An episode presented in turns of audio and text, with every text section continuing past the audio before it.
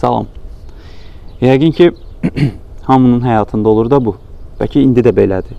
Mən nə istəyirəm? Nə istədiyini bilməmək. Çox bərbad bir şeydir. Yorulur adam.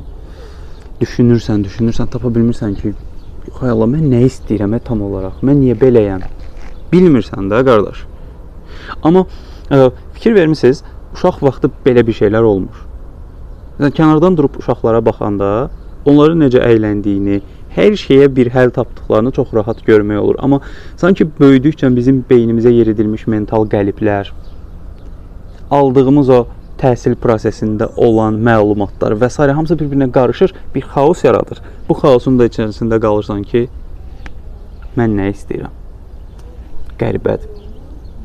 Amma uşaq vaxtı uşaqlar bilmirəm uşaqlığınız yadınızda gəlir yoxsa yox. Məndə çox da yadıma gəlmir, amma yadıma gələn bir hissələrdən o idi ki, mən problemi dərd eləməzdim. Oynayardım, gülərdim. Böyüyəndən sonra çətinləşir elə bil hər şey. Sıxırlar elə bil. Ümumiyyətlə bizim cəmiyyət biraz çox baskılı cəmiyyət olduğuna görə bu şeylər bizi çox yorur. Qəribədir. Bax əminəm. Rəy də yaza bilərsiniz hətta. Kim sevdiyi ixtisasda oxuyur. Kim özü istədiyi bir universitetə qəbul olub. Kim istədiyi insanla ailə həyatı qurub. Kim istədiyi həyatı yaşayır və s. Sanki uşaqlıqdan böyüyə-böyüyə bizim istəklərimiz qısıtlana-qısıtlana gəlir. Bir yerdən sonra bizi sərbəst buraxanda qalırıq ki, edim mən? O qısıtlanma müəyyən müddətdən sonra mənim həyatıma təsir göstərir. O an hiss eləmirsən də, amma bir müddətdən sonra bu belə olur. Və nə istədiyini bilmirsən. Və çox pis bir şeydir bu. Bu bu hissdən qurtulmaq lazımdır həqiqətən. Çünki o beynin içində elə bil qurddur. Yaşayırsan, amma niyə yaşadığını bilmirsən. Nəyəsə məna yükləməyə çalışırsan, hər şey mənasızdır. Necə ola bilər? Bax məsələn indi tutaq ki danışıram, oradan dayanıb 5-6 nəfər mənə baxırlar. Amma səhər vaxtıdır, tezdən də hamı idman eləməlidir də. Burada da ki çox adam olmur ki, burada da hə, hamı idman eləməsi üçün gəlib və hamı oradan mənə baxır. Görəsən adam nə edir? Bax təxminən bu belə bir şey olur. Nə istədiyimizi özümüz bilmirik və başqalarında nəsə axtarırıq. Görəsən falan kəs nə edir? O nə iş görür? Nə baş verir onun həyatında? Hər şey bizə belə şey olur. Başqalarında nəsə axtarmağa çalışırıq ki, görürsən niyə belədir? Mən niyə belə deyiləm? Ümumiyyətlə nə edir orada? Və s. Sanki nə istədiyini bilməyəndə insanın öz həyatına belə hörməti azalmağa başlayır. Yaşayıram da. Biri status yazmışdı ki, prinsipə yaşayıram görüm axırı necə olacaq. Həqiqətən belə bir şey olur. Yaxşı, bəs bunu necə tapmaq olar? Nə istədiyini bilməyi necə tapmaq olar? Mən özümdə belə bir şeylər eləyirəm tez-tez. Lövhədə yaxud dəftərdə iki belə xətt çəkirəm. Bura yazıram maraqlarım, bura yazıram bacarıqlarım. Ağlıma gələn ən xırda marağımı qeyd eləyirəm.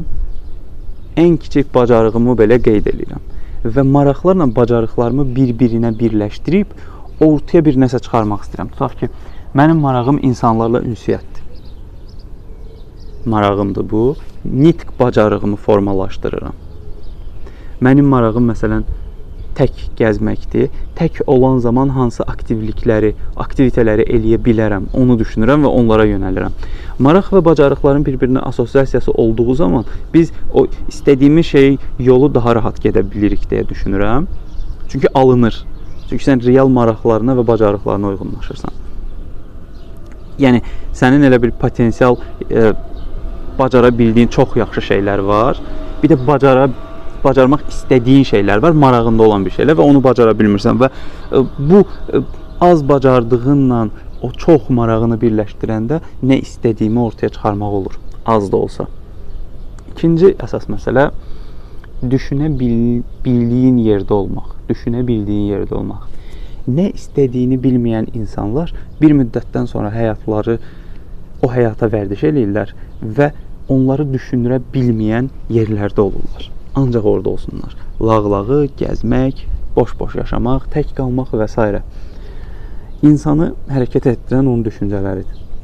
hərəkətinə, ilkin hərəkətinə səbəb olan onun düşüncələridir. Bizi düşündürə bilən yeri tapdığımız zaman nə istədiyimizi bilmək də eyni formada ortaya çıxacaq. Çünki mən düşündüyüm zaman deyirəm ki, "A, bu da var, bu da var. Mənim kimi düşünən insan var. Belə bir insan da var. Nə möhtəşəmdir." və s. Yəni ətrafımız necədirsə bir müddətdən sonra ora oxşamağa başlayırıq. Bütün gün çayxanada oturan adam maksimum oradakı təfəkkürə sahib olacaq. Bütün gün kofe shopda oturan adam yenə oradakı təfəkkürə sahib olacaq, amma bu həm çayxanada, həm kofe shopda oturub və oranı analiz edən insan bir müddətdən sonra nə istədiyini tapacaq və yavaş-yavaş ora doğru hərəkət eləyəcək. Üçüncü və çox ağır olan bir mərhələ isə mental qəliblərdir ki, bunu aşmaq çətindir, amma aşa bildiyin zaman nəticə istədiyimiz kimi olur. Yəni məsələn mən düşünürəm ki, insan sekulyar olmalıdır, dünyəvi düşüncəyə sahib olmalıdır. Amma hələ də biz yerə kimsə zibil atmasın, ondan danışırıq. Yolu düz keçə bilməyən insanlardan danışırıq. Hələ də kiminsə geyimini müzakirə edən geri zəkalılardan danışırıq və s. Bax bu mental qəliblər də bizim nə istədiyimizi bilməməkdə bizə dırnaq arası kömək olur. Çünki mental qəliblə dünya formalaşır, mental qəliblər bu tərəfdən baskı eləyir və ikisinin arasında qəribə bir situasiya yaranır və sən bilmirsən, qalırsan iki daşın arasında da, ağı da seçə bilmirsən, qaranı da deyirsən mən nə edeyim, nə iş görüm. Belə bir şey olur. Amma bunu aşmaq lazımdır. Və bunu aşmaq üçün də o ikinci kömək ola bilər. Düşünə bildiyimiz yerlərdə olmaq. Nə qədər çox düşünə bildiyimiz yerlər varsa, o qədər biz yaşayırıq deyə düşünürəm. Bir də mən həm fəlsəfəni oxuyanda həmişə orada Sokratın bir ifadəsi var idi. Onu həmişə beynimdə təkrar-təkrar eləyirəm. Sokrata sual verilir ki, bilik nədir? Deyir ki, bilik bəşəri bir şeydir və bilik insanın öz cahilliyinin fərqində olmasıdır. Yəni nə qədər də öyrənsək belə, həmişə bilmədiyimiz bir şey var və həmişə bilmədiyimiz bir şeyin olduğunun fərqində olduğumuz zaman bu bizi mənəvi olaraq sadələşdirir. Özümüzü dağın başına qoymuruq. Mənəvi olaraq həmişə sadə qalırıq və insanlarla münasibətdə, özümüzlə münasibətdə həmişə bu şeylər bizə kömək olur. Bax belə. Ümid eləyirəm ki, video az da olsa nəsə bir qata bildi, düşündürə bildi. İzlədiyinizə görə təşəkkür edirəm. Suallarınız olsa mənə sosial mediadan fikirlərinizi də rəylərdə yazmağı unutmayın. Görüşərik.